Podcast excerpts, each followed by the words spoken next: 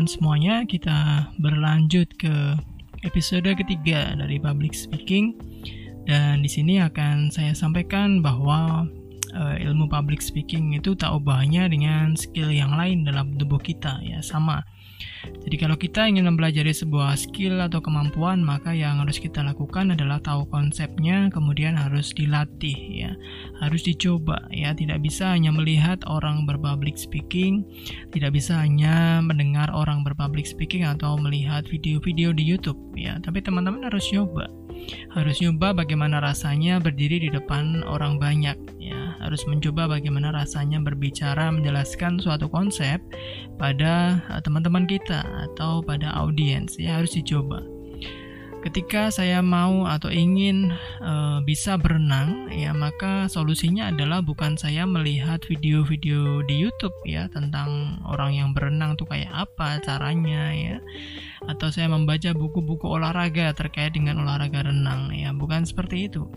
Maka yang harus saya lakukan adalah realnya saya harus mencoba ya. Saya harus masuk ke dalam air ya masuk ke dalam kolam ya merasakan bagaimana tubuh saya mau tenggelam dan merasakan bagaimana saya mempertahankan keseimbangan saya supaya bisa mengapung ya supaya bisa uh, tidak uh, tenggelam ya seperti itu.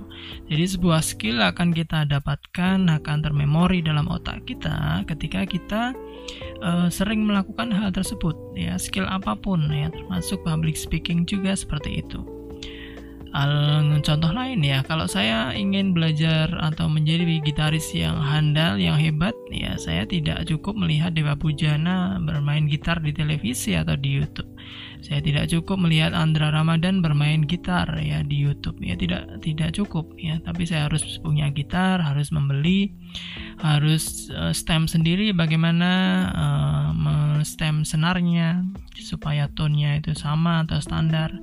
Kemudian saya harus pencet senarnya sendiri bagaimana uh, mencet chord C, chord D ya, chord yang mudah-mudah sampai dengan chord yang paling sulit ya dan saya harus berlatih berjam-jam ya. Sehari harus berlatih berjam-jam sampai berbulan-bulan ya. Baru saya bisa mainkan gitar dengan baik. Ya begitu pula dengan public speaking ya teman-teman ya. Tidak bisa kita hanya uh, sekali dua kali ya. Tapi harus terus dilakukan dilakukan dan dilakukan ya. Maka saran saya ketika kita ingin benar-benar belajar public speaking maka yang harus kita lakukan adalah kita harus mencoba mencari teman-teman kita yang senafas ya, yang sevisi ya, yang ingin belajar public speaking juga. Kita bisa kumpulin ya, kita bisa uh, berlatih bersama ya, saling mengevaluasi. Ketika kita sudah tahu konsepnya ya, kita tinggal melatih saja, melatih dan uh, didengarkan oleh orang ya. Kemudian diberi masukan oleh teman-teman kita. Ya, jadi study club public speaking itu sangat penting menurut saya karena ketika kita hanya ikut satu pelatihan, kemudian setelah itu kita tidak berlatih, ya sama saja ya skill itu tidak akan melekat pada diri kita. Karena public speaking konsep dan juga komponennya cukup banyak ya. Ada komponen knowledge, ada komponen uh, intonasi, suara, nafas, ya, ada komponen performance, ada komponen grabbing, ada komponen menyusun materi presentasi dalam PowerPoint seperti apa gitu ya dan sebagainya. Jadi banyak komponen yang harus dipahami dan harus dilatih ya tentunya. Dan ini jadi satu keresahan saya waktu dulu mahasiswa bahwa uh, zaman saya ya mahasiswa itu masih uh, sangat uh, sedikit ruangnya untuk uh, berpublic speaking ya. Kalau ada tugas atau presentasi ya yang maju itu itu saja ya. Tidak semua mendapatkan kesempatan untuk berpresentasi di depan kelas ya. Dengan jumlah mahasiswa yang 30 sampai 50 itu mustahil untuk memberikan kesempatan yang sama rata pada semua mahasiswa. Uh, padahal seperti konsep tadi bahwa public speaking harus dilatih, harus dibiasakan ya. Ketika ada mahasiswa yang tidak punya kesempatan karena pada dasarnya dia pemalu dan bahkan tidak berani ngomong di depan umum dan ditambah dengan kesempatan yang tidak ada, maka jadilah dia mahasiswa yang pemalu, yang tidak bisa mengungkapkan ide, yang tidak bisa mengungkapkan uh, suatu knowledge ya padahal dalam profesinya dia dituntut untuk berinteraksi dengan orang lain ya dengan pasien dengan keluarga pasien atau masyarakat ya jadi itu satu hal yang uh, ironi gitu ya.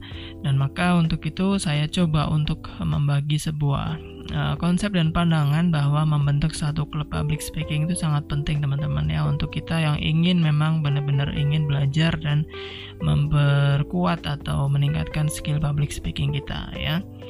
Untuk era-era sekarang mungkin bisa dengan online ya, bisa membuat grup WhatsApp sendiri ataupun uh, dengan Zoom ya, kita bisa saling berlatih. Kita bisa berlatih dengan voice note, bisa berlatih dengan Zoom atau video ya yang kita sharing di grup.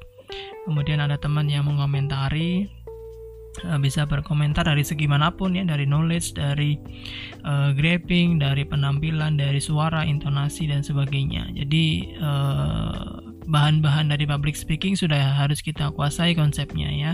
Setelah ini nanti akan saya terus share uh, apa saja yang harus kita kuasai.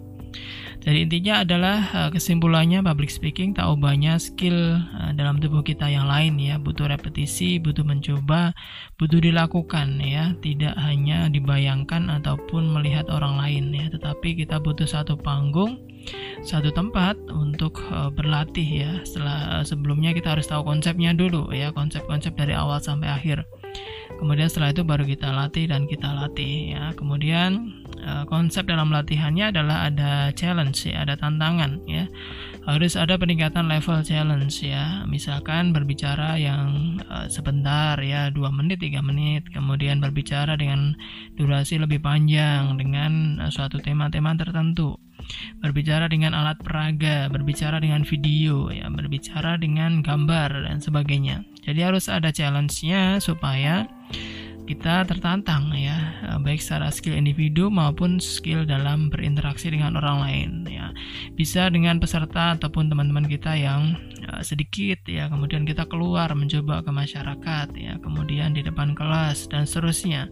Sampai dengan uh, mungkin berpublic speaking dalam bahasa Inggris itu juga bisa di, dicoba ya. Jadi butuh challenge supaya ketika kita keluar dan menemukan suatu apa namanya lingkungan yang baru menemukan suatu audiens yang baru atau tema yang baru kita tidak kaget ya. Kita bisa mengadaptasi diri kita untuk tetap uh, berpublic speaking sesuai dengan konsep-konsep dan juga uh, teknis penyampaian yang terbaik.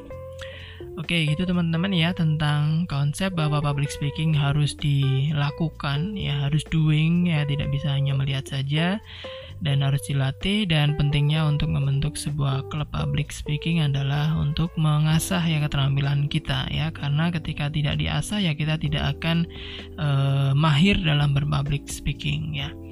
Oke teman-teman kita akan berlanjut ke episode berikutnya. Thank you.